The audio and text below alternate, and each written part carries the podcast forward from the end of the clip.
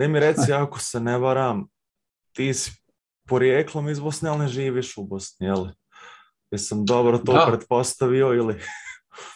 Pa jesi, ova, ja sam, e, ja sam iz Travnika, dakle Travničan i ovaj, ono, sudbina me odvela u druge krajeve. Ja živim u Norveškoj trenutno i to je taj fall, dakle, rat, ovo ono, ljudi se raseli.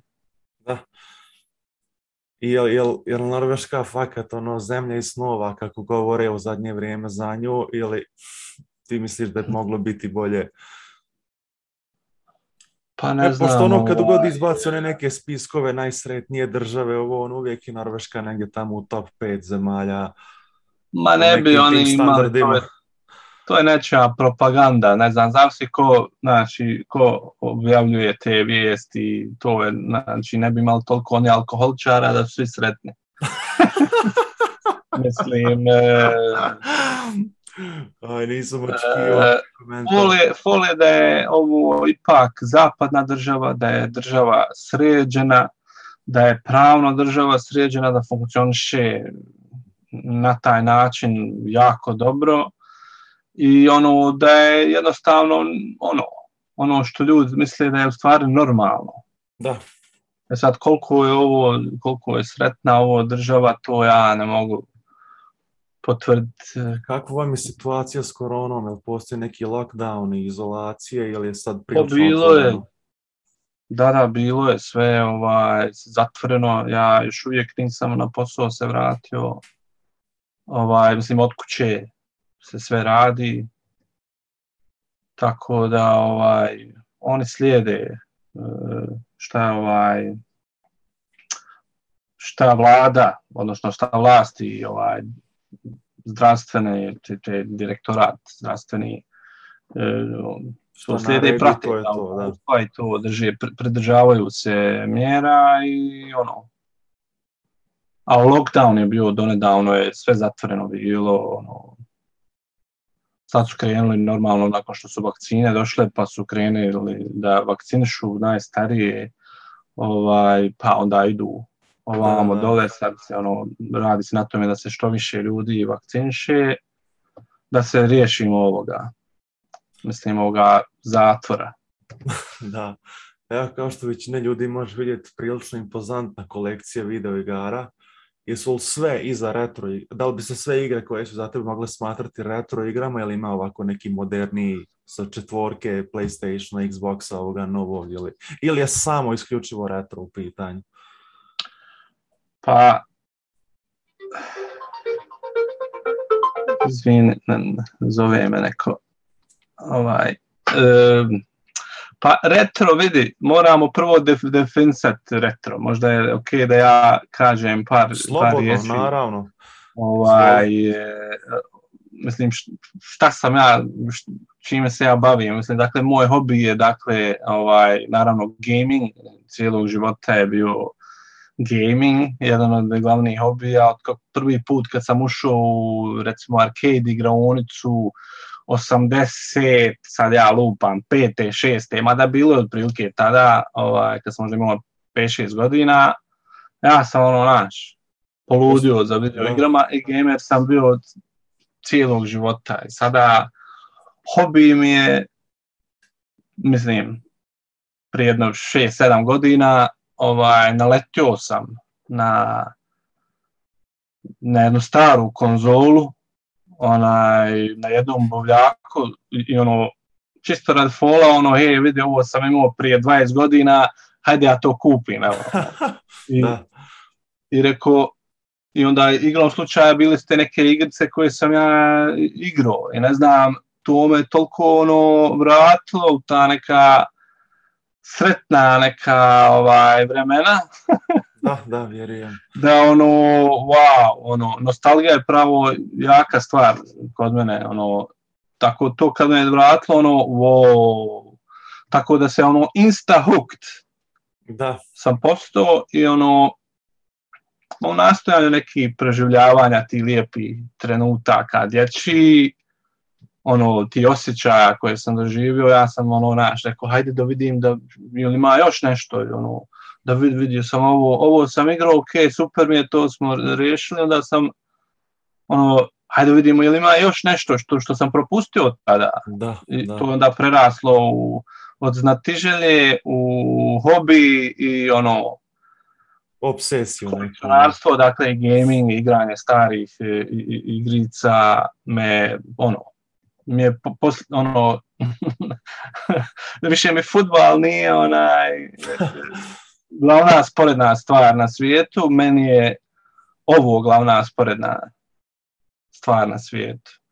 Tako da, da odgovorim ti na pitanje, ja ovaj, dakle, e, igram stare igrice, ne isključivo, igram i ja i novije igrice, što na telefonima, što šta ja znam na kompjuteru, međutim, Retro Reaktor, koji je moj kanal, on je baziran samo na, na, na retro gamingu, odnosno starijim e, igricama i oko mene su, šta ja znam, zadnjih osam godina proizvod tog kolekcionarstva i skupljanja zadnjih osam godina ono to je sada mene okružuju te, te igrice i, i, i ovdje su trenutno retro igrice na drugom mjestu su neke novije vamo gdje je novi gdje, je flat screen ovaj TV na kojem se mogu igrati novije, dok ja evo ovdje vamo iza mene TV stari na koji je, koji je za ovu tehnologiju dakle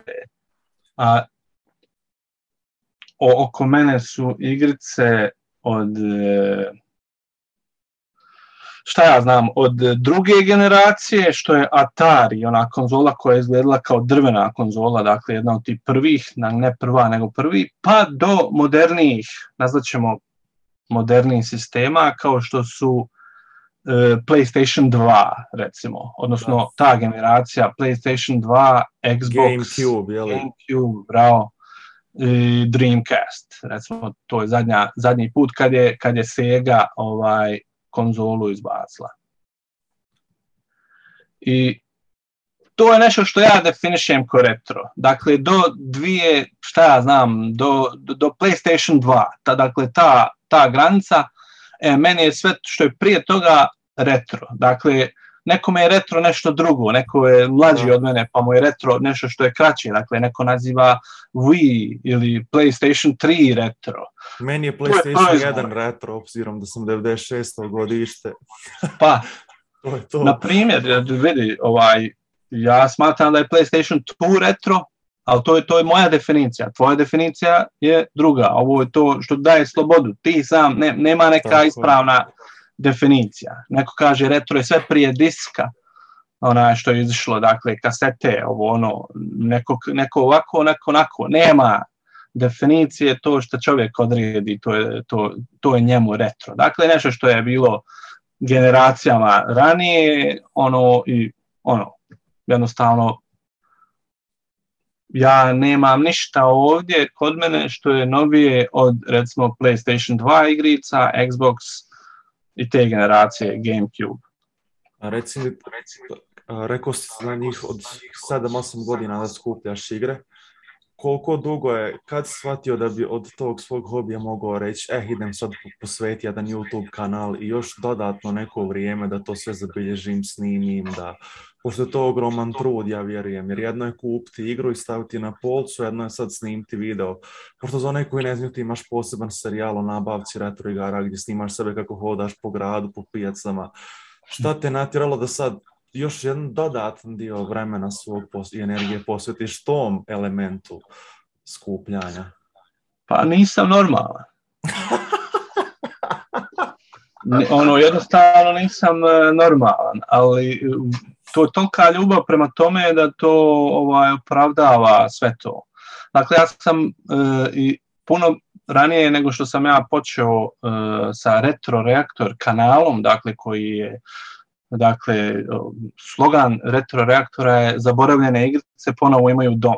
Da, je to je nešto bilo ovako simpatično i to je, dakle, kanal baziran na retro igricama. Sve, u, dakle, prvo gaming, a onda ove ostale popratne stvari gdje ja dakle idem, ono, dokumentujem sebe kako tražim te igrice, kako i po šopama, po buvljacima, po prodancama, ovim onim ja kako to idem i granjam tražim. Također imamo tu gdje, gdje one dolaze dakle, u tu kolekciju, ali primarno, primarno gaming, a ovaj, E, pitanje je bilo ovaj, e, kako je sad i to ima vremena. Pa jedan od mojih hobija je također snimanje. Ja se tim bavim i ja sam imao imam kanale koji su mnogo stariji od e, retro reaktora. Dakle, ja sam sa svojom suprugom prije jedno deset godina imao jedan interesantan kanal e, koji zove Cinemania i na kojem smo mi radili recenzije e, filmova, tako cijelo vrijeme je postao ta, ta volja za objavljivanjem i sadržaja, video sadržaja e, onaj, na youtube i ona je od ranije tu, dakle možeš sad otići i, potražiti Cinemanija i vidjet ćeš mene, šta ja znam, prije 10, koliko već 12 godina ovaj, prave se recenzije filmova koje dolaze kao iz, iz dakle ne iz pers, onaj, od profesionalnih kritičara, nego od ljubitelja filma, to je folio. Dakle, iz, dakle, ljubitelji filma koji daju kritike time.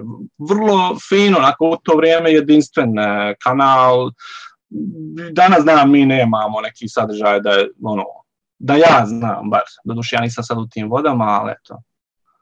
Ovaj, to je to, tako, također i, imaju kanali koji su i stariji od toga koje sam radio, a mislim, neću sad da, da ja nešto glumim, nešto, ovaj, ali ja sam objavljivao na internet e, e, svoje videozapise prije nego što je YouTube postojao. Eto, mislim, sad malo sam odao koliko sam ja u stvar star čovjek,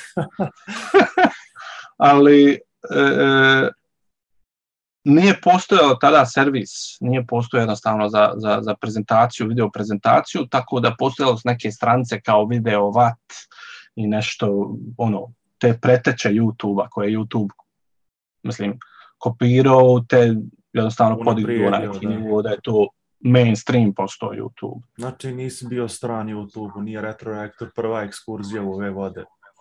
Definitivno nije i ovaj, ono, bili su tu i dakle, recenzije filmova, bili su tu popratni sadržaj, potpratni kanali kao vlog kanal vezan za ovo, za ono e, i tako to dosta ranije prije retro reaktora i ovaj kanal dakle bio je samo ono gaming kanal koji je izrasto u, u retro reaktor. Retro, mislim, ko zaviri se dole u, u arhivu, duboko u arhivu ovaj, retro reaktora, vidjet će da su tu, šta ja znam, vidjet će gameplay za StarCraft 2, za Battlefield 4, recimo, u to vrijeme kad je aktuelan bio e, brojne druge stvari, šta ja znam, Wreckfest, tad je bio ovaj, kako se zvao, e, mislim, taj flatout uh, igrica, uh, danas se zove Wreckfest, uh, Next Car Game je bio name, to sam isto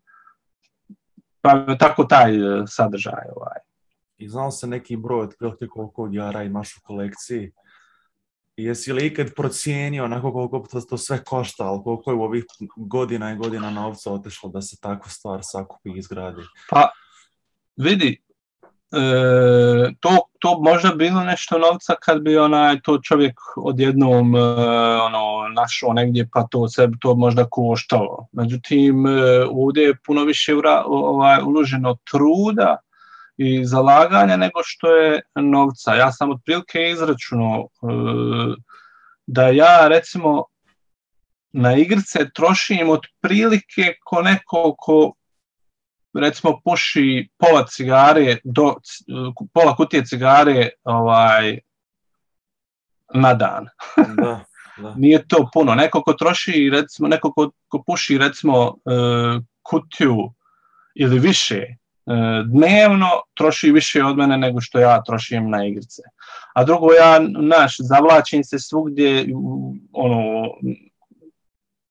svugdje i svagdje za tim igricama, pronalazim i po, po šupama, kažem ti, po znaš, po nekim e, mjestima gdje igrice nisu ovaj skupe, još uvijek one nisu skupe, pogotovo te stare e, igrice. Međutim, ono, on, imaš ljude koji to iskorištavaju i koji vide da ljudi to vole i onda, znaš, kad se on dočepa nešto pa on to preprodaje. Igra neku, neku I onda on njemu neku cijenu nerealnu koja je ono, pa ne bezobrazna, nego uža živi i, i takvi malo naš štete tom hobiju, ali uvijek je, mislim, uvijek je, je tu neko ko će nešto preprodat, znaš, bilo ti bio filatelista pa se skupljao markice ili šta ja znam, bilo šta drugo, ono, tu će uvijek biti neko ko će htjeti na toj, na toj, na ljubavi nečoj da, da zaradi, naravno, onaj.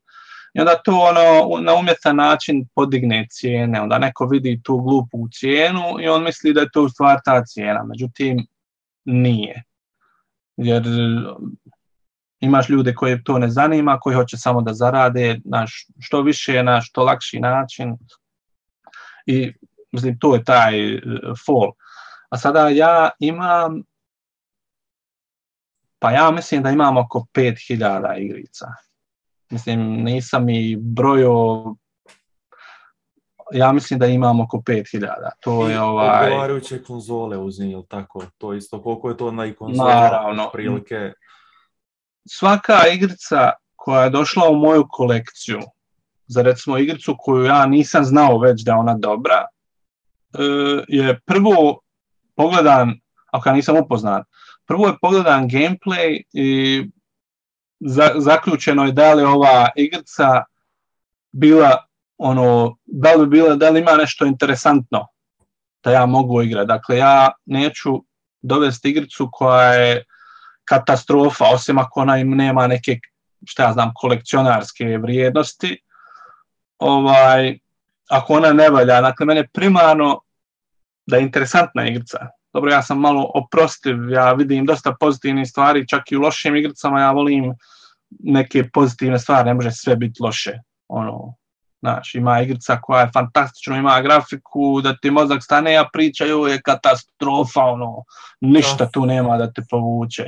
I obrnuto, ima, ima igrica sa pričom, mozak da stane, ona ti kad pogledaš, o, šta je ovo, Minecraft. ovaj, ali vidi, Minecraft je dobra stvar, mislim, ne bi toliko ljudi bilo ludo za njim da nije. Tako da, ovaj... Znači, dakle, mene dođe u kolekciju igrica koju ja hoću igrati. I to znači, je nije da se kupuje samo da bi stajala na polcu, nek svaka A, igrana ono, u suštini. Da. Daleko od toga. Ja sam, kažem ti, ja sam gamer od kako znam hodat. I vjerovatno ću biti gamer zadnji da svoj, kad uzmem bit ću gamer i to ću vol da radim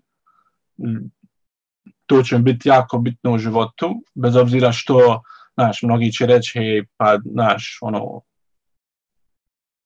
odrasto čovjek voli da, video igre, mislim, trebamo te predrasude, ovaj, riješiti ti predrasuda, jer, mislim, svak voli da radi nešto što voli da radi, ni, niko nema pravo da tebi odlučiva da ti to ne valja i vamo tamo. Ti slobodan čovjek, ti radi šta ti hoćeš onaj e, i o tome se, o, mislim o tome se radi.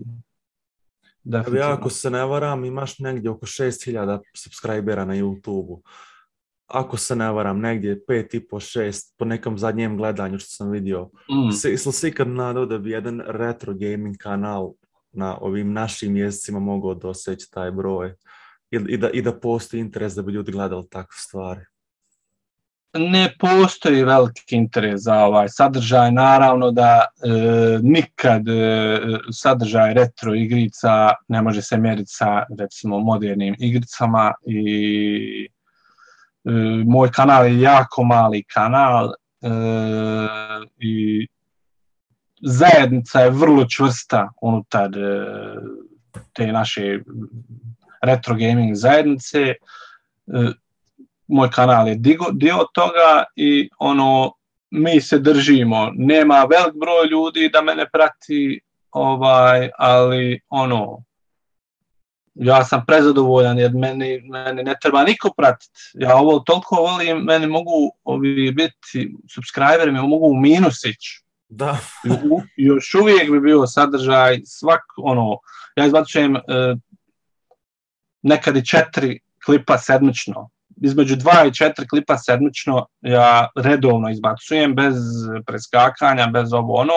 Kad nisam u stanju fizički da uploadiram klip, ja ga stavim na, na onaj, da se, ono, na, raspored za, za, za jedno 10 dana, ono, kad mogu unaprijed da ga onaj, uploadujem, pa ga ono, schedule, ono, što se zove na, na, na youtube tako da da nije ljubav prema ovome ja da davno, davno presto ovaj, što se toga tiče. Tako da popularnost to nije apsolutno drive force. živiš u Norveškoj, ali se kad javila ideja da snimaš klipove na norveškom jeziku, jer vjerujem da bi bila veća zajednica, više ljudi koji, do koji bi to moglo doći nego ovako.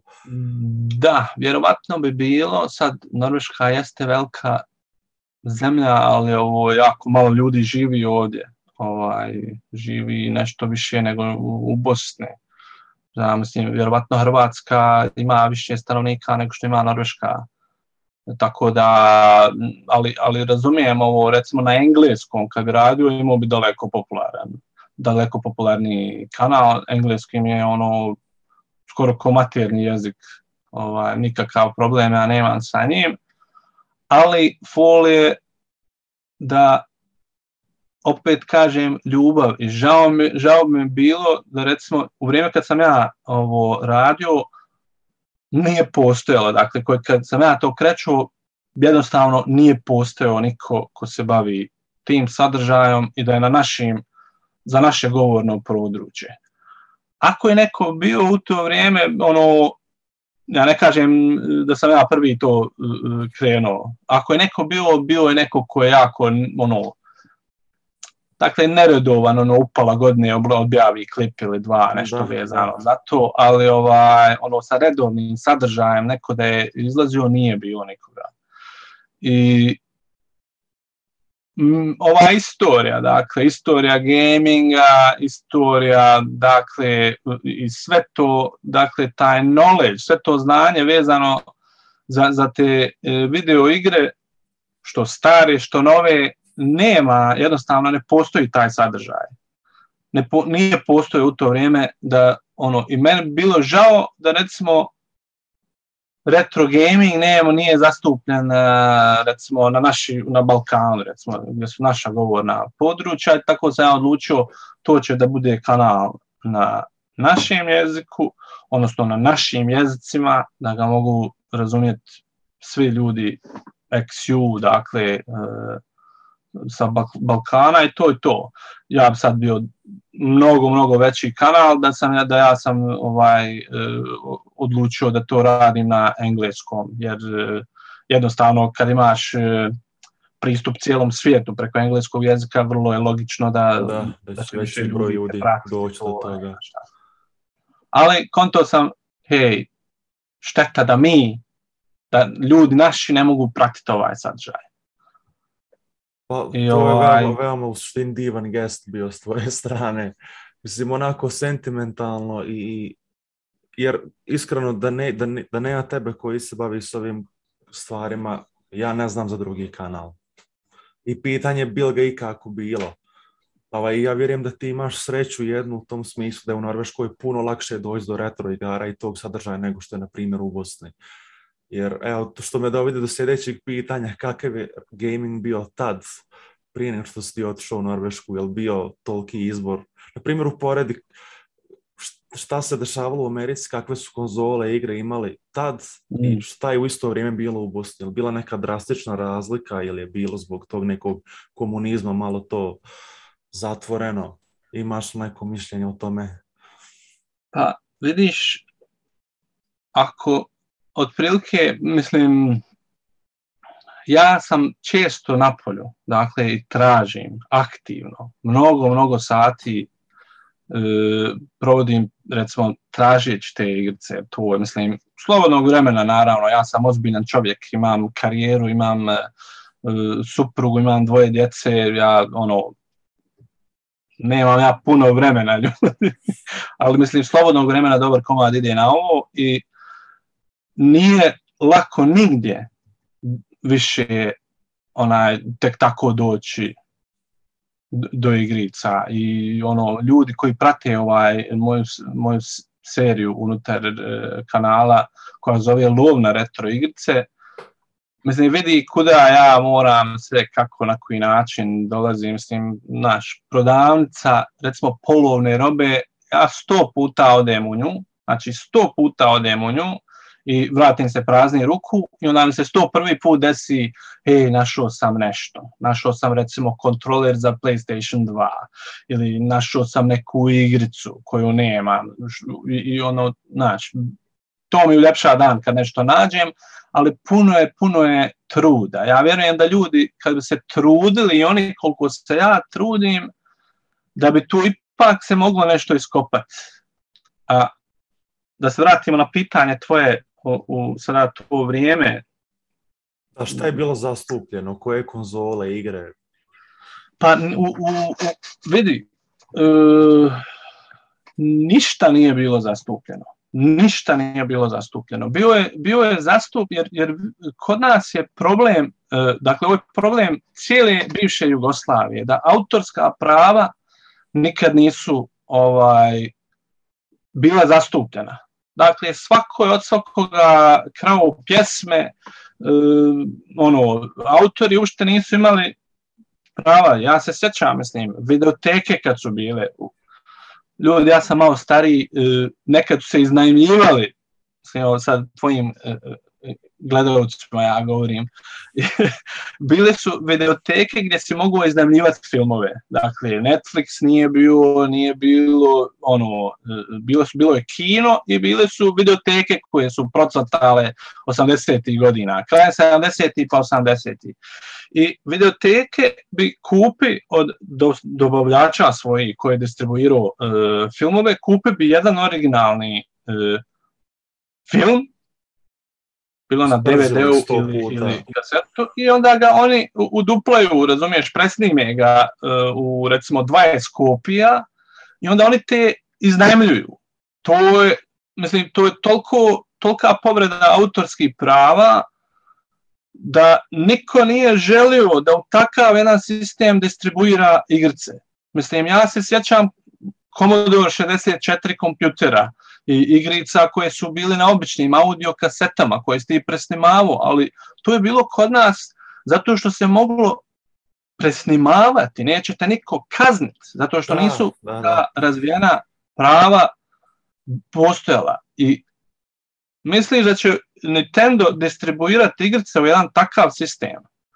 Da će Sony distribuirati e, igrice koje će neko tu definitivno neće, jer moraš ti imat, e, biti ozbiljna država koja, koja, pravna država koja zastupa prava. E, kod nas je PlayStation bio popularan zato što je PlayStation bio laka konzola za i Onda si mogao pržit e, diskove, ono, nije ti ušte original trebalo onaj, da ti kupuješ. Ono.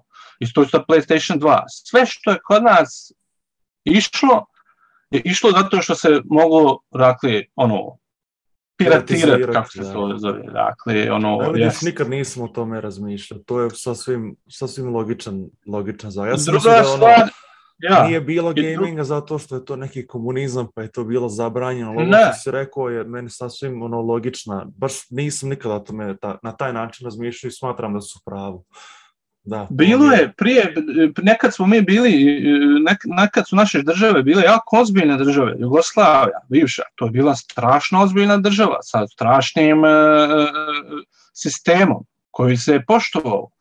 I imali su ljudi Komodore 64 kojeg su importovali iz, e, šta ja znam, bili su distributeri neki sigurno. On je dovoljno bio popularan kod nas, da ne kažem arcade igrice, igronce, ovaj, koji su imali arcade automate u to vrijeme prije nek što su igre e, onaj mislim, mogle stati na nešto što si mogu imati u kući.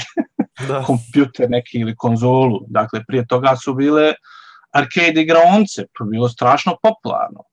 Recimo Travnik, to nije vel grad. jesu on važan grad, jeste to nekad bio glavni grad Bosne i Hercegovine, ali to je mali grad.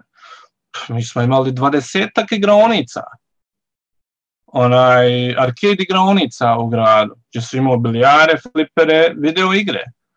Onaj, gaming je uvijek bio popularan. Međutim, naš nestabilni politički sistem, naša nepoštovanja autorskih prava, odnosno loša zastupljenost zakonom, mislim, ono, su naše tržište jednostavno učinile neinteresantnim za velike distributere igrica. I kod nas nema jednostavno iz tog perioda, mislim, rat je. Zašto bi neko ko nema da kupi recimo koru kruha, zašto bi on razmišljao o video igricama? On, njemu je preživljavanje puno onaj, važnije nego hoće li igrati igrice.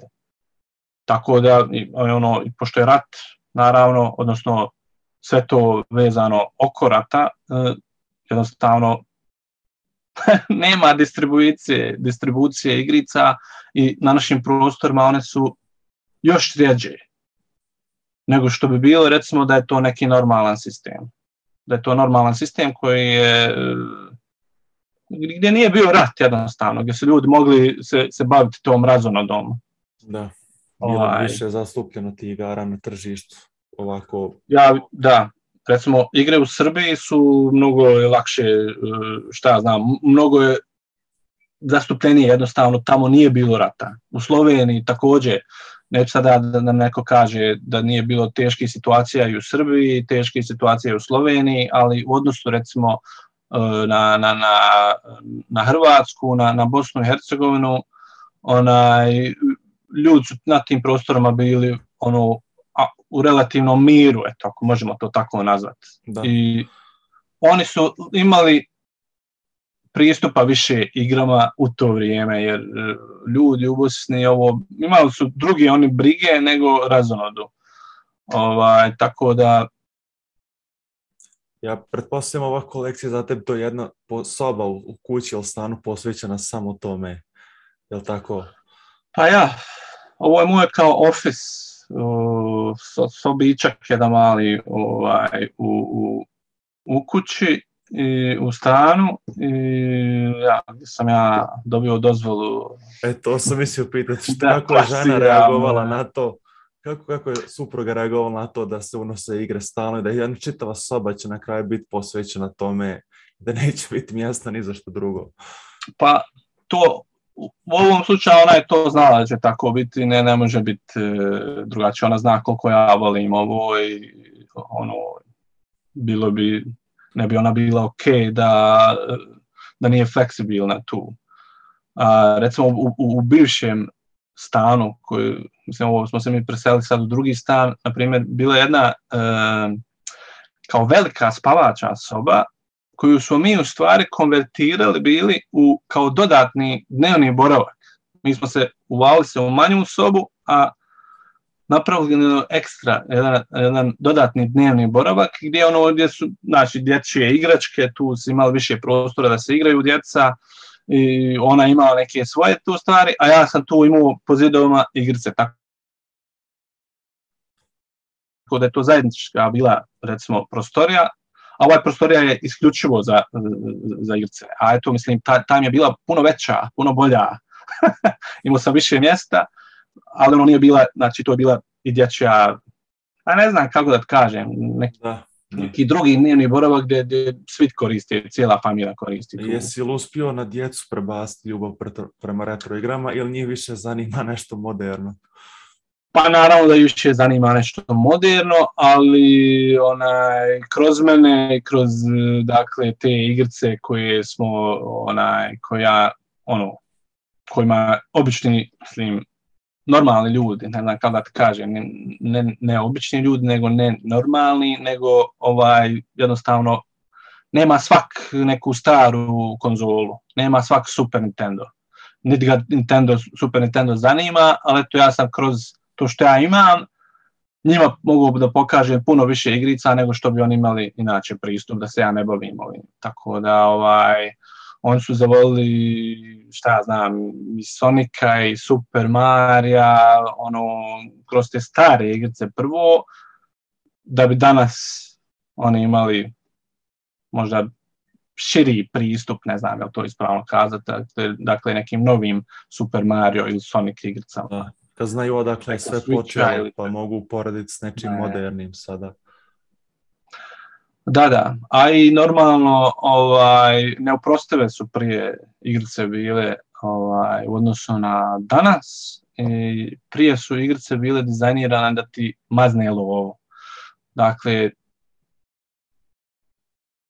igrica je, ako, ako razumiješ, ona je, dakle, arcade igrica, Eh, je bila dizajnirana da gutati žetone, da ti što više žetona uzme, tako da je bilo nemilosrdno teške igrice u to pa, vrijeme. Pa nije nisam puno da. različito s ovim pay to win konceptom u ovim modernim igrama, gdje bez uplaćenih parate nema nigdje u odnosu na druge igrače. Da, to je, to je olakšavanje, to je za mene olakšavanje e, dakle igre ali ne, da, ne dobiješ ti dovoljno sadržaja da bi mogao to opravdati te pare koje ti mikrotransakcijom ovaj, uradiš. A ovo moje što sam ja htio reći odnosi se samo na težinu igrice, jer prije nisi mogao da downloadiraš ti content, ovo ono internet nije postojao. Nego dođe ti arkeda automat i on je kakav je, takav je.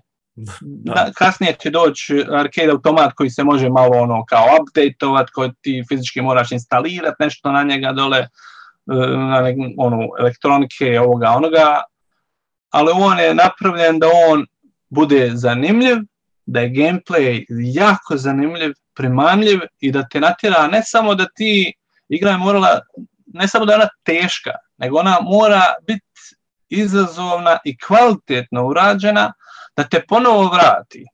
Da ti opet uzmeš, jako te, jako te neki, šta ja znam, recimo, jedan na jedan, recimo, neka igrica, recimo Street Fighter, ti odeš opet po batine. da, da.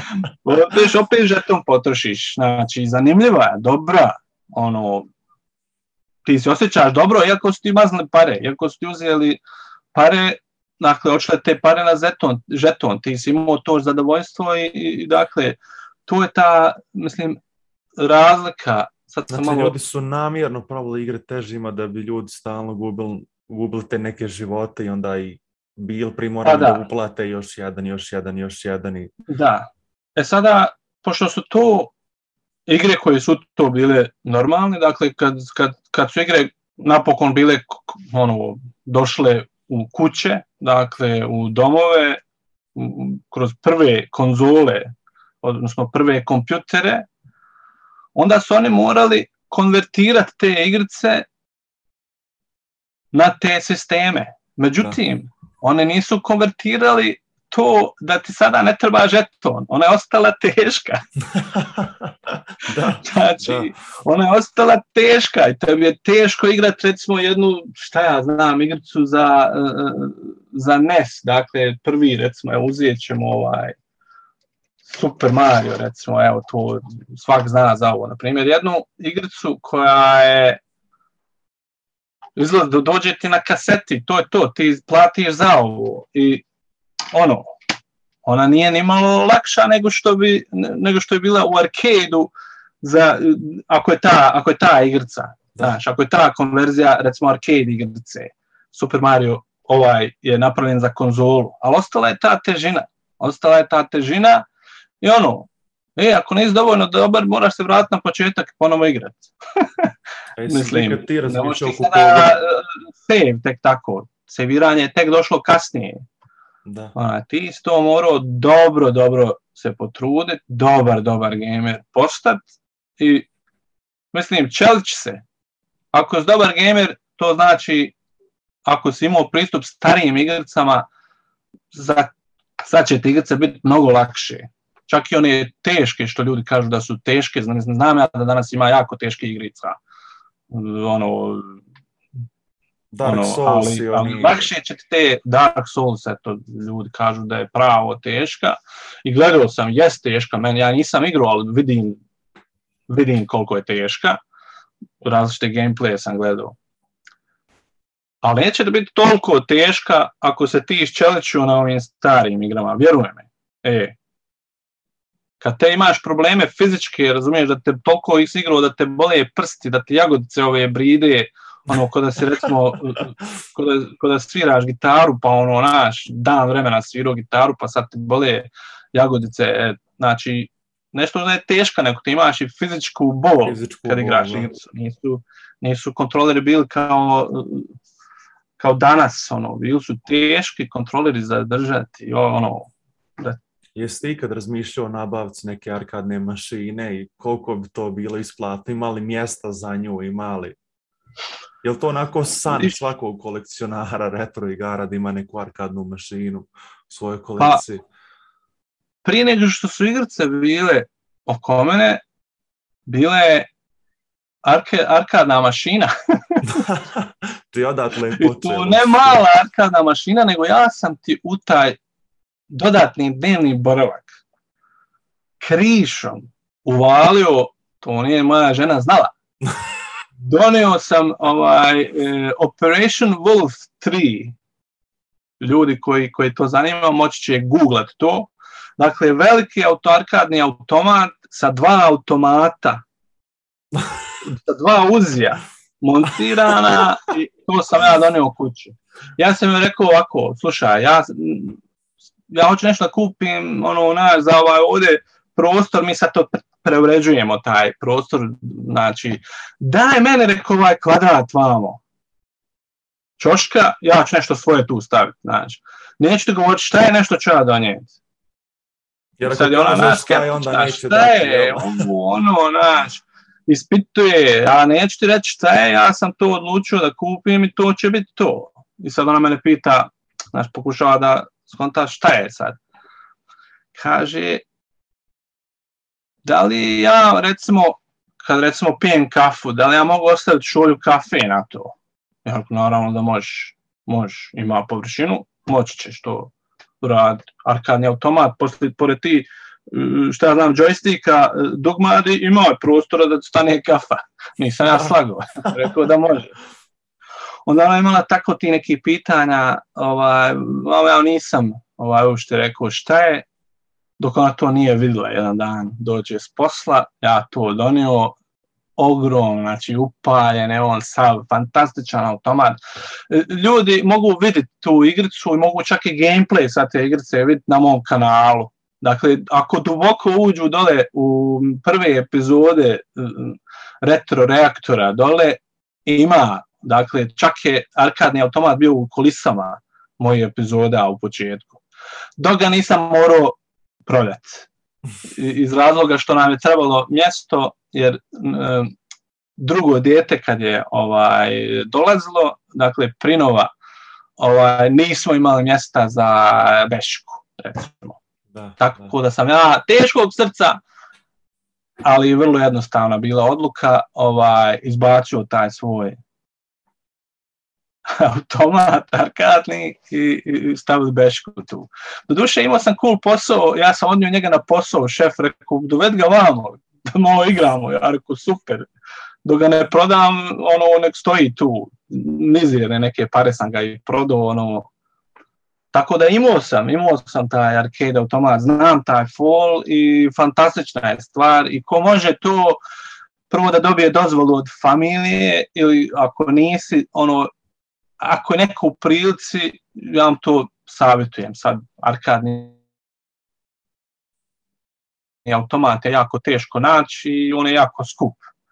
I ono, ja sam imao sreće za ta, da taj nije bio toliko skup, ali recimo ja mogu samo sanjati o nekoj boljoj igrici. Recimo šta ja znam da imam pac ili neki Space Invaders, e, stare te neke ikonične, ono to, ono, zaboravi. To, ono, Reci mi, koje je tvoje mišljenje o emulatorima za igre? Mi imam dojem da Moje... gameri uvijek nekako to odbijaju, da, da, da to nije pravi pa način da to se igra. su ljudi koji su, koji ne razmišljaju zdravo, odbijaju. Mislim, ja, moj, sam otvoren čovjek, ja ću to svoje mišljenje reći. Mislim, zašto bi čovjek sebi uskratio pravo ili mogućnost da igra neku igricu koju ne može igrat, emulira je čovječe. Mislim, nađi neki emulator koji je super. Ovo, ja ne bi nikad nikoga kritikovo ko, ko, mislim, emulator koristi. To je pozitivno. Ti igraš nešto što većina ljudi ne može da igra preko tog emulatora. Dakle, recimo, igra je neka japanska koja je izašla samo u Japanu fantastična igrica, fantastična. Ne možeš da vjeruješ kako dobra igrica i jednostavno ona je izišla samo u Japanu i ljudi ne mogu je ono igrati. Ne možeš je, mislim, ono, ako, ako, ako u Japanu bilo bi čudno čak da znaš da, za tu igru, osim ako nisi neki super upućeni lik što se toga tiče, da importiraš to, Bog zna koliko bi koštalo, ovaj, ako ćeš tu originalnu, a emulator, najjednostavniji način. Mislim, svi smo mi pržili igrice, svi smo mi na neki način emulirali prave igrice. Ovaj, tako da neko ko kaže da, ono, da je emulator loša stvar, to je, to je pogrešno. To je pogrešno. Mislim, emulator nije original.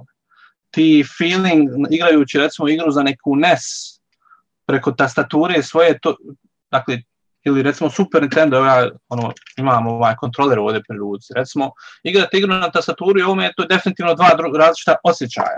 Dakle, ako imaš emulator, nadam se da si investirao u recimo USB kontroler, kontroler za koji je ovaj full, samo je USB da možeš ti imati taj što bliži osjećaj originalno. Ja to savjetujem ljude. E sada, emulatori nisu svi dobri nisu su isto dobri, ono, naravno, neki će imati input lag kontrolera, neki će imati izaprane boje, neki će imati loše usklađenu muziku u odnosu na zvučne efekte, dakle ima dobri emulatora, odnosno ima loši emulatora. Ako se držiš onih emulatora kojim vjeruješ, koji su, kvalitetno to, koji su kvalitetni, to mislim, samo mogu preporučiti. Onaj, definitivno nisam. Znam da ima ljudi koji su, koji su rigidni, koji su recimo bave starim igrama koji su rigidni i ono protiv su ti, znaš, ali to su ljudi koji su, znaš, to su ljudi koji su ono puristi. Da. Znaš, nije ok sebe ograničavati, što ti nemaš organi, Mislim, ja sam sto puta htio da ovaj, nema šanse da ja mogu recimo neke Saturn igrice ovaj, ni nabaviti ni igrati ih. Recimo za japanski Saturn, Sega Saturn. Pri mi je, pa ću ti evo, ovaj, ovdje pokazati. Dakle, ovo je Sega Saturn sistem. Mnogo malo ljudi zna za ovaj sistem. Ovo je konkurent ovo Dakle, prvi PlayStation, ovo je dakle Segin, Segna konzola i evo, Sonic igrica, sad ja recimo, mnogo je poznatija u Japanu i mnogo je bolje prošla, pošto je ovdje Sony uništio sve u toj generaciji. Dakle, uzuo je 80%, nije 80%, ali uzuo je ogroman procenat tog tržišta, gdje su recimo ove neke konzole samo jednostavno ono uzijeli pokoji procenat ono ovaj tako da recimo u Japanu je on jači bio. Dakle, ovaj sistem je bio jači u Japanu i oni su za ovaj sistem napravili milion više igrica.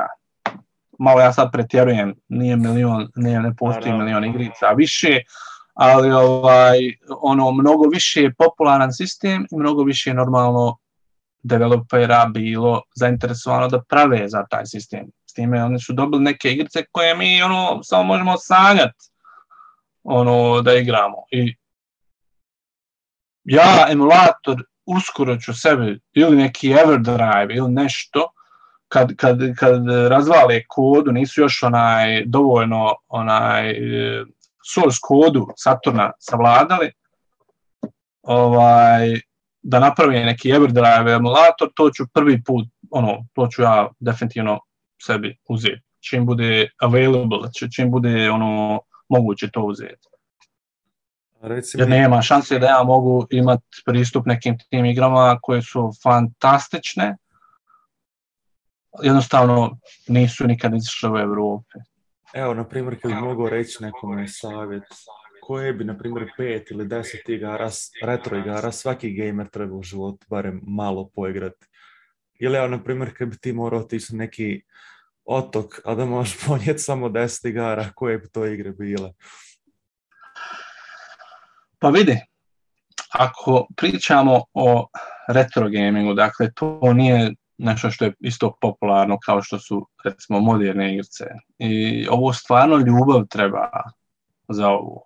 Da bi čovjek ovo igru, zašto bi ti igrao neku igricu koja je 12 godina stara? Tu mora nešto biti da te povuče ne samo igrica, imaš fantastične igrica iz tog vremena koje su bolje od današnjih, recimo, čast iznimkama, ali tu mora još nešto biti da te povuče, dakle neka nostalgija. Tako ja, ako bi nekome preporučio neke igre, preporučio mi da, da budu to te igre sa kojim je on preživio neke momente u to vrijeme kad su te e, igre ili konzole bile aktuelne.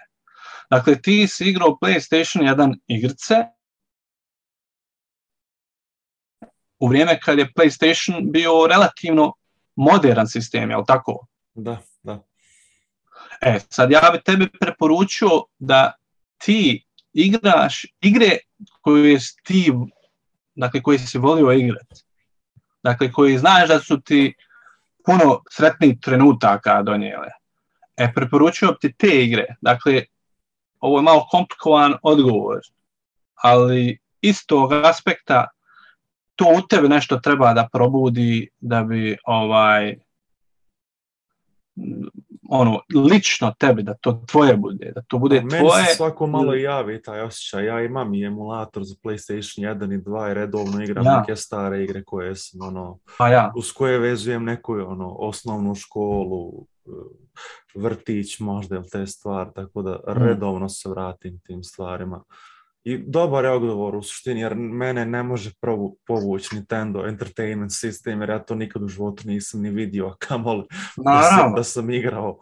Ovaj. To ne bi značilo da ti to ne bi mogao zavoliti. To je definitivno ljudi trebaju, ako su u prilici, da sve testiraju, da probaju, da i onda odluče na tom iskustvu koje su stekli, ovo nije za mene.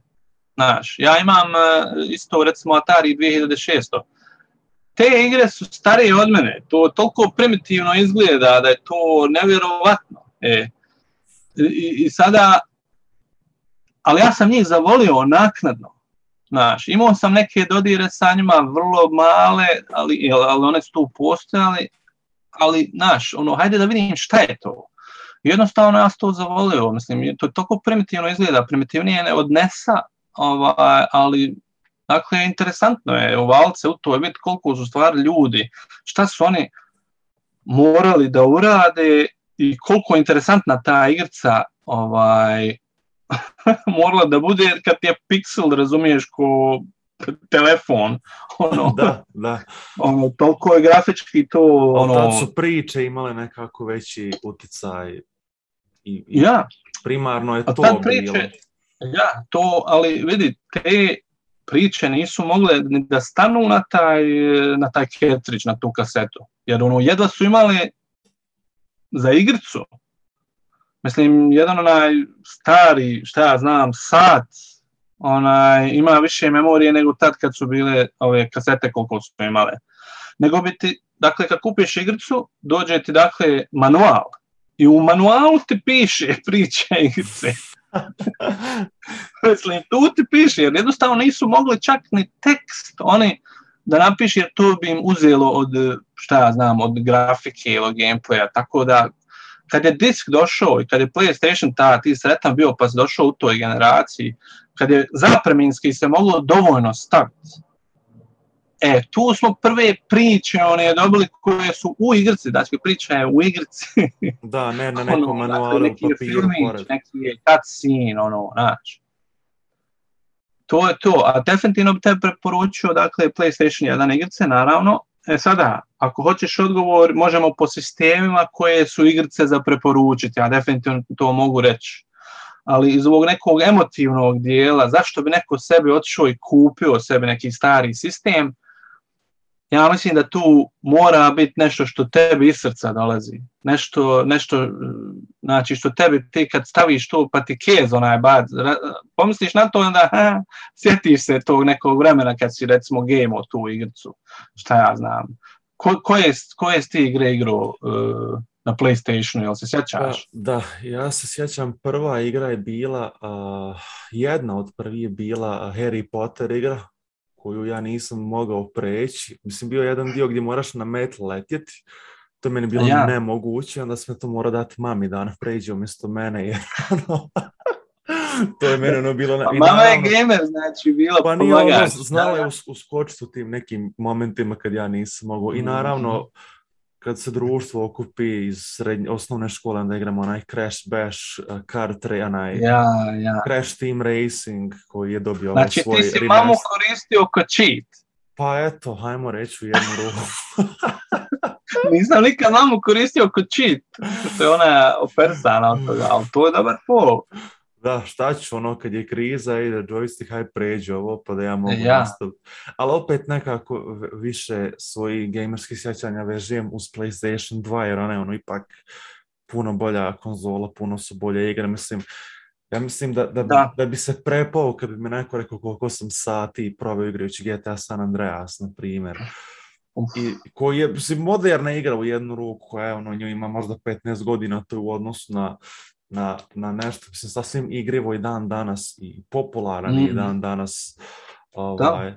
Ali sa PlayStation 1 definitivno ove ovaj Crash Bandicoot igre su mi bile onako neki primarni.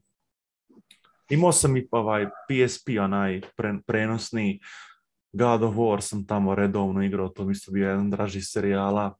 A, I, zahvalan sam što postoji emulator gdje ja isto mogu to skinti, preći, sjetiti se ti neki fazona i drago mi što ja imam PlayStation 4 što ovaj kontroler radi na kompjuteru mm. pa se može lako u emulator implementirati tako da relativno često igram igre s PlayStation 1 ili 2. To je, to je, vidiš, dakle, to je nešto što ja, uh, ako neko, men često se obraćaju ljudi, hej, gdje da krenem, kako da krenem. e, e da, ovo dakle, je savjet. Šta bi rekao nekome ko se želi baviti s ovim, odakle krenuti? odakle skupljate, pa, pa, šta, kako? To sam već i rekao, dakle, dakle ti, ja savjetujem da, da ti iskusiš ono što si ti, sa, sa čim već imaš sjećanje. Dakle, PlayStation 2. PlayStation 2 je najbolji sistem svih vremena. Dakle, nema ni jedan sistem da je prodan u toliko primjeraka ni dan danas, nema jedan sistem za kojeg je napravljeno toliko igrica. Ja ne znam, ja također obožavam PlayStation 2 i s ove vamo strane su mi police sa PlayStation 2 igricama. I to je ovaj tebi bi preporučio PlayStation 1, PlayStation 2.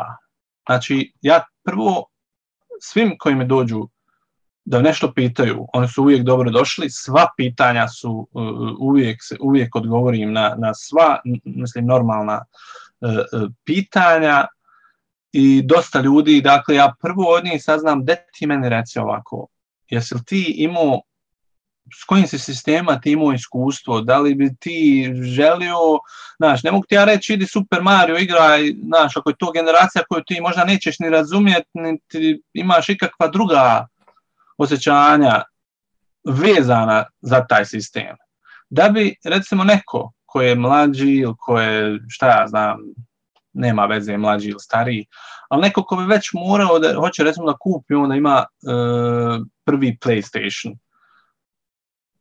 tu trebalo, dakle, onaj, ne možeš ti investirati pare samo da isprobaš, recimo, Metal Gear Solid ili Resident Evil neki, Resident Evil 2 ili Silent Hill ili Gran Turismo ili svi ti ogromni, mislim, koji sada, mislim, franšize. Ne možeš ti kupiti ako si ti, ako si ti recimo, recimo mlađi i definitivno te to neće privući. Ono, ti ako si odrastao sa PlayStation 2 igrama ili PlayStation 3 igrama, onaj, uzmi PlayStation 3. Da. I ako već imaš PlayStation 4, ne, ako imaš već PlayStation 3, onda preko njega ti možeš e, probati i PlayStation 1 igrice i PlayStation 2 igrice. Te su e, PlayStation 3, on je dakle kompatibilan sa prvim i sa drugim i naravno PlayStation 3 igrice. Dakle, da ti startaš sa ogromnom bibliotekom igrica. 7.500 igrica je napravljeno za, za PlayStation 2. Ti ako imaš PlayStation 3, dakle, već imaš mogućnost da startaš sa tom. sa tim brojem. dakle, mogućnosti igranja te biblioteke. Ali, evo, sad, ono. sad ću pričati jednu anegdotu ovaj, koju sam imao pa možda otprilike kad si ti krenuo s ovim svojim Retro Reaktor kanalom, ja sam svakad to gledao od nekih početaka, i inspirisalo me, hej, možda bi mogao i ja početi skupljati igre. Ja sam hmm. ušao na ovaj, eh, na pik kod nas da vidim šta ima kakvih igara. Da, i onako, ja sam ono doslovno ukucao PlayStation 1 igre da vidim šta će izaći jer me ta konzola najviše zanimala. I ljudi imaju i originale, ono, mislim, ne nisu to nekakve kopije koje prodaju za 40-50 maraka, što je van svake pameti, barem meni bila tada, jer, jer sam ono išao u srednju su prodavale za te pare? Da, da, jer valje, da, jer igri u NATO je, ovo je stara igra, original, nebitno. I ja onako razočaran, rekao, ovo je preskupo, ne vidim A... sebe u ovome. Ja naletim na jednog čovjeka koji je objavio sliku onako CD-ova onih kutija i kao veliki izbor PlayStation, PlayStation 1 igara mhm. po 5-10 maraka. Ja ono, wow, evo ga, ovo je već nešto što bi mi se isplatilo. I uđem na informacije, vidim čovjek je u Bihaću, a ja sam iz Bihaća. I, I rekao, pa mogu bi ja se čut sa njim da odem kod njega kući ovaj, pa da mi prodaje igru ili šta već. I ja sam nazvao čoveka, rekao tako, vidio sam oglas na piku, mate igre, retro, sve živo. kaže on da, da, da, no meni dade adresu ovaj, i ja dođem kod njega i čovjek mi dade neku knjigu, nekakvu teku, možda ovako A4 format, jedno 10 listova gdje je spisak jednog igara koje on ima. I kao evo, ovo je spisak igara koje ja imam, pa ti sebi zaberi, ja ono, one su ne znam, pet maraka možda. ja sam uzeo Quake, ja sam, Quake mi se onako sviđa jer volim pucačine, pa rekao daj mi Quake. Sad ja očekujem, čovjek će uzeti, pomislim, pa onu plastičnu onu kutiju od CD-a i dati mi ono, čovjek ubaci prazan CD i krenu pržiti sa komputera. Ovaj, ja, ja nakon pa ja. ne mogu da vjerujem šta se dašlava. A rekao, pa to je ja normalno. rekao, rekao ovaj, pa rekao, zašto nije original, ono, kaseta, onaj manual, mislim, razumiješ, onaj, slika, ona su živ... Ne, ne, ne, ja to imam kao skinuo to, pa ja to prepržim tebe, ali ne skiraj ti to tebi radi, na ja reku, izvini ja. prijatelju, ne trebam jer mogu ja kod kuće sebi ispršt CD, mislim, je to svrha. Tako ja, to... to je smiješno u to vremenu, jer raz, ja razumijem u vremenu, recimo kad je bio PlayStation 1, pa nisu svi imali te pržače, ovaj, ono, listi. Da, ovo se desilo prije možda 5-6 godina. Pa rekao si mogu ja ispršt kod kuće CD, znači nije u tome problem. Tako ja. da, ovaj, to bi onako jedna zanimljiva stvar. Ma, i sve se, svašta se može doživjeti.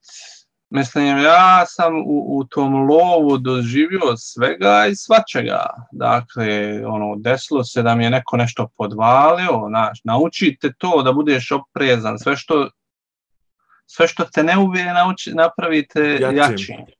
E, ali onda, znaš, ti stekneš to iskustvo i onda znaš šta očekivati, kako se postavljati. Dakle, ja, ja nikad neću platiti recimo za igricu onu cijenu koliko čovjek traži. Ja moram nju spustiti. Ja moram spustiti tu cijenu. 5% je spustim, zadovoljan sam. 50% spustim ili više, još zadovoljniji naravno. Ne sada da ja nekoga opeljušim. Mislim, čovjek mi ne bi to prodao ako misli da je prejeftino ali nastojim da svaku igricu koju kupim od bilo koga ne dajem cijenu koliko on traži i na taj način doprinosim bar ja malo da cijene igrica ne rastu. Jer ljudi su ovi koji prodaju, znači, kažem ti, nemaju veze sa igricama, sad tebi neko prodaje, mislim, halo, izvini, 10, 5 ili 10 maraka za sprženu PlayStation 1 igricu je preskupo. To je isto skupo ko što je original, jer vidi, koliko košta jedan e, disk prazan. Ma Marku, računa u fenenzima. Da. Znači, ti to sebe spržit, trebate disk, jel tako? Trebate, šta ja znam, 10 feninga, ili koliko bi disk jedan košto, i ti to imaš. Tako da imaš uvijek ljude koji žele da ulože najmanje, a da zarade najviše. I znaš, ta pohlepa njihova čini da te cijene su bezobrazne. To je bezobrazna cijena. Igrica za PlayStation 1, da ona košta, mislim u prosjeku, neke igrice koje su rijetke i obu ovamo tamo imaju razlog zašto su one skupe. Ali recimo neka igrica koja je popularna, koja je proizvedena ono, malim milijom primjeraka, nema za nju logike da bi ona trebala da bude skupa, jer ako, ako izuzmemo gaming, recimo da se radi o jednoj super igrici koja je ok, opravdava tu cijenu, iz kolekcionarske perspektive nema razloga da ta cijena bude tolika. I ljudi, mi koji kupujemo igrice, ja, ti, ovaj, onaj, i mi snosimo odgovornost za, za visoke cijene. Jer ako smo mi voljni da platimo neku bezobraznu cijenu, to onoga što prodaje neće spriječiti i naravno da će mu sve cijene biti bezobrazne. Zašto on ne bi zaradio što više može, a što manje da uradi? Znaš kako, ja kad se sjećam perioda osnovne i srednje škole, mi smo ovdje u Bihaću imali jednu prodavnicu koja je, ljudi su doslovno pržili CD-ove, i prodavali, međutim barem se potrudilo da to izgleda kao original. Imali su sliku na CD-u, isprintali su omot kvalitetno sve i to je doslovno izgledalo kao original, ali su ih prodavali za šest maraka.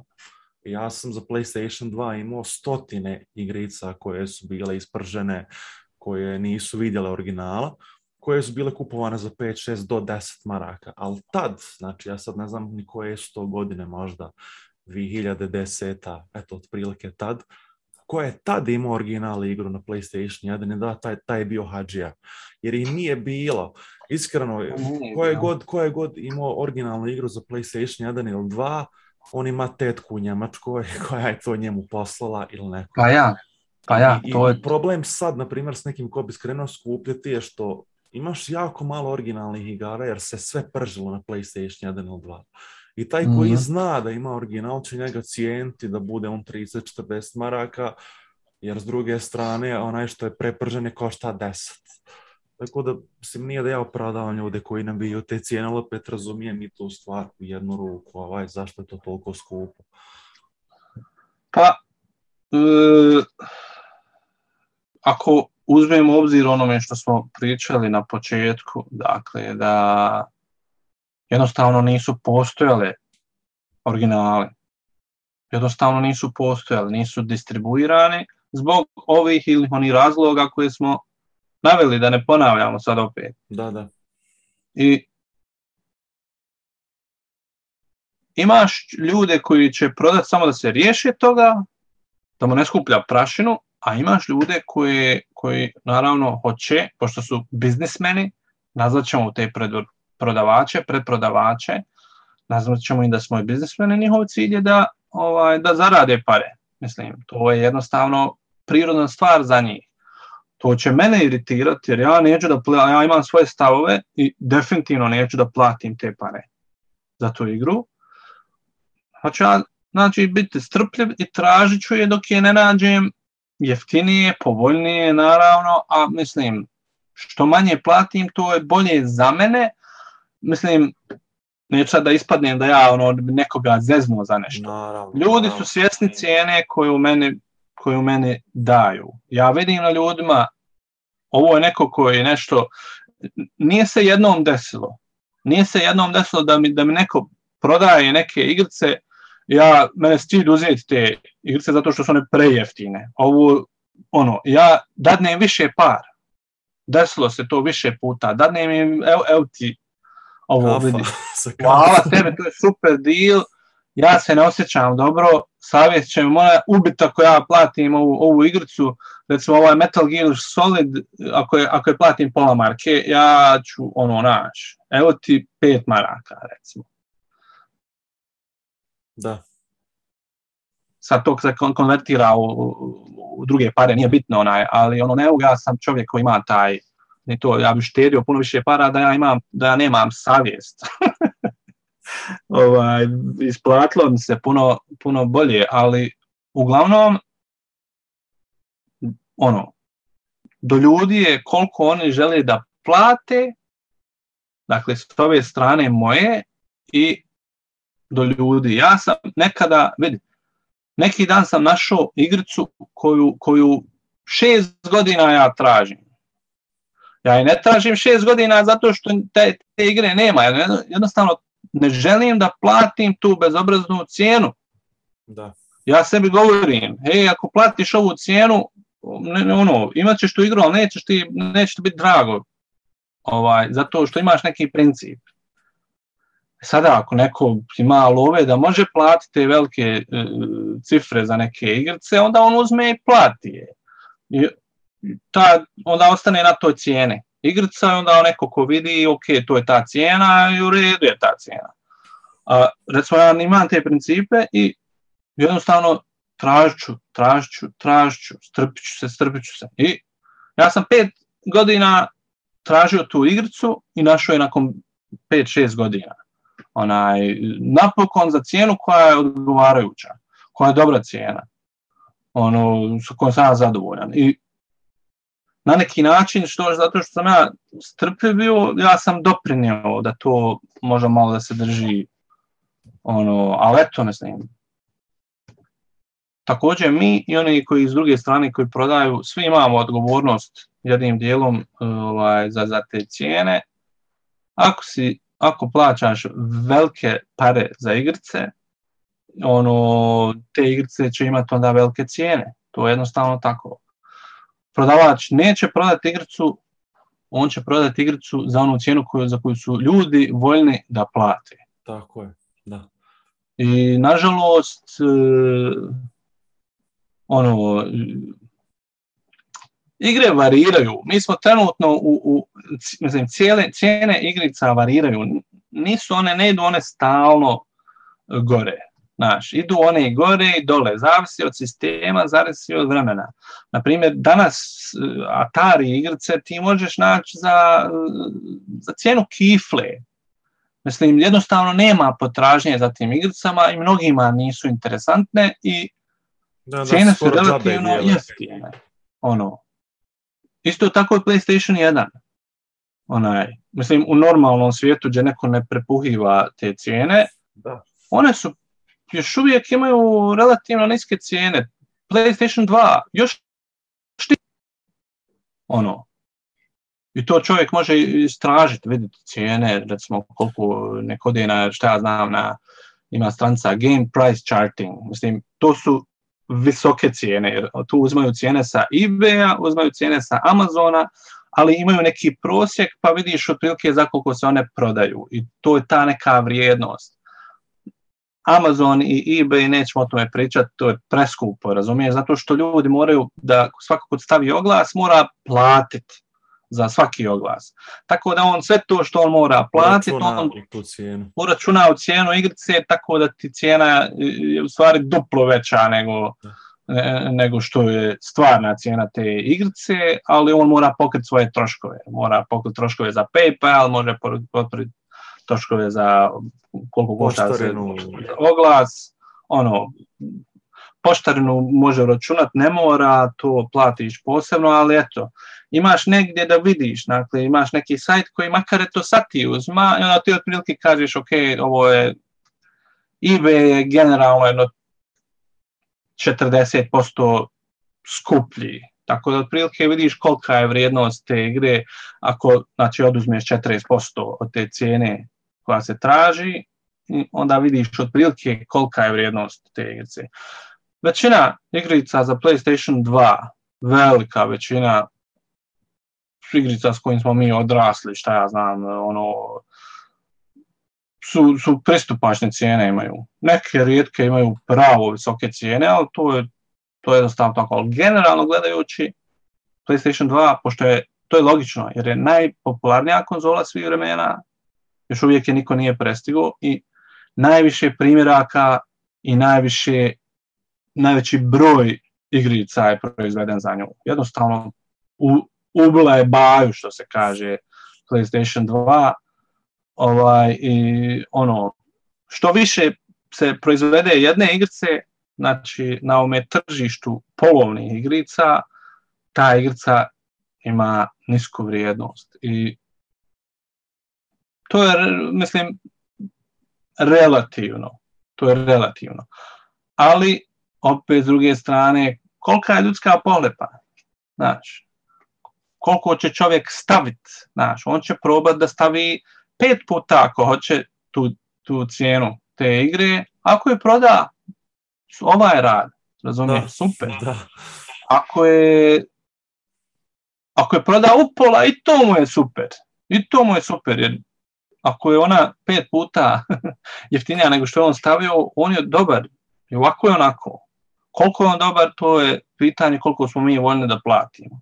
Nemojte plaćati, ja svima koji ovo gledaju, nemojte plaćati koliko vam ljudi traže da nešto. Nemojte ljudi to raditi. Ono, eh, jer nisu to te vrijednosti ti stvari. Ovo su polovni proizvodi, vi svi znate da polovni proizvodi su mnogo uh, jeftiniji nego novi proizvodi i znači razum koristite.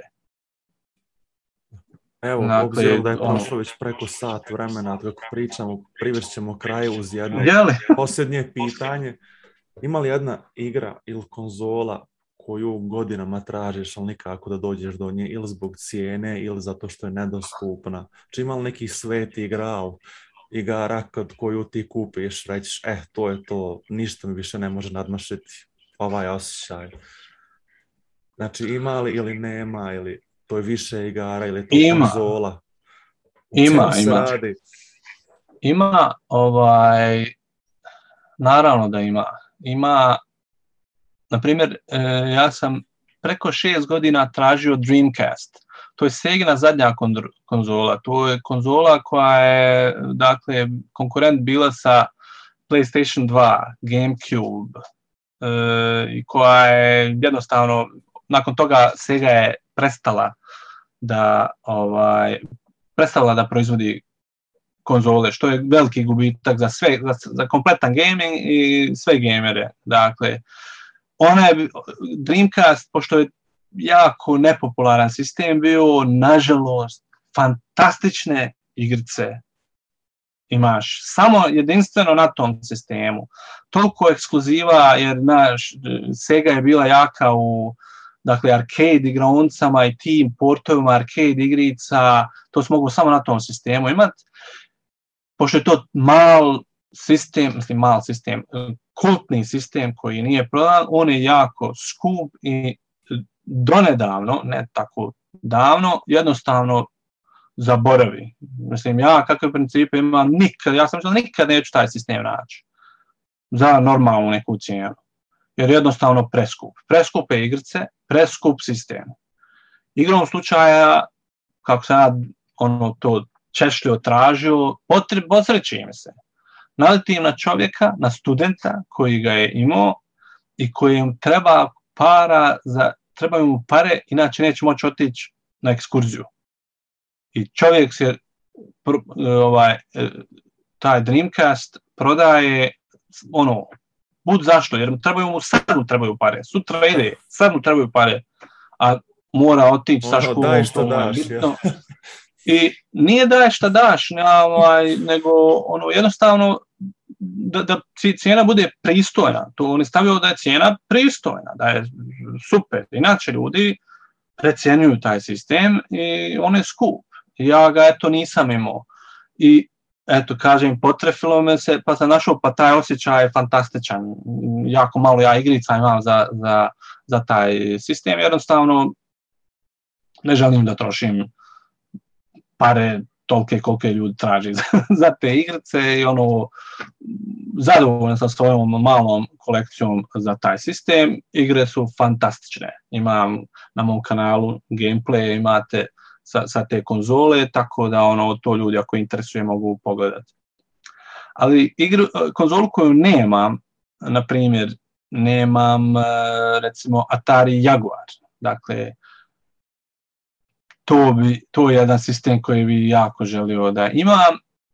Nemam ga iz razloga što je on skup i da li ću ga imati ne znam, ako, ne, ako mi se posreći, hoću. Znači, ako opet bude neki ne student sa ekskurzijom, možda i bude. Ej, otiću, otiću ja i one studentske domove, pa pitao kad vam je ovaj... Ekskurzija. kad vam je ekskurzija, ljudi? Šta imate od konzola? Ali vidi, e, to je sistem koji je, to je Atarijev zadnji sistem. Dakle, Atari, firma koja je zaslužena za populariziranje gaminga koja je dovela gaming u kuće, dakle prve konzole koje su dovoljno popularne bile, to je bio dakle ta firma. Oni danas dan proizvode igrice, ali ne konzole. I njihov sistem Atari, Jaguar, to bi ja želio ima. To je sistem koji je u ovoj generaciji, PlayStation 1 generacije, je PlayStation ovaj, dominirala. Onda ima tu još sistema, ima još ima recimo neki Nintendovi, manje poznati sistema koje ja nemam, koje volio imati, ali ono, to je samo naučna fantastika za, za, onaj, za moje uslove. Na primjer, Virtual Boy, dakle, jedna kao neki VR, VR, ako se ne varam. Jel, pa jest, to je, jest, Virtual Boy, kao eto, probali su oni, ali to je katastrofa, to je onaj sistem koji je hiljadu puta lošije rezultate imao od recimo Wii U koji je jako neuspješna Nintendova konzola i e, sad ovo je ono, još gore. Naravno kad se, kad se proda u jako malo primjeraka i jako malo igrica imaš za taj sistem da sve te igrice su ono, bit će skupe, a taj sistem mislim kad ćeš njega vidjeti, možeš ga vidjeti u nekom muzeju na izlogu ono jednostavno ne možeš onaj doći do toga. Osim ako nećeš da platiš neke sume koje su, mislim, ono, zaboravili. Ali to sam se ja pomirio, ja ne očekivam da ću ja imat e,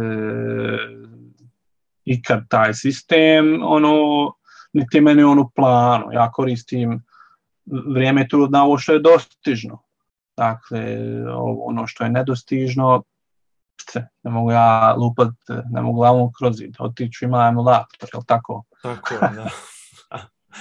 Eto, Osmane, hvala ti puno što si pristao na ovaj razgovor. Fakt, mi je bilo zadovoljstvo. Evo, skoro sat i pol vremena smo pričali. Imen također, ne znam da je toliko prošlo vremena, vjerujem. Da, mogli smo mi još, ali ono, bit ću ograničen, treba puno vremena da se ovo renderuje, da se uploaduje na YouTube.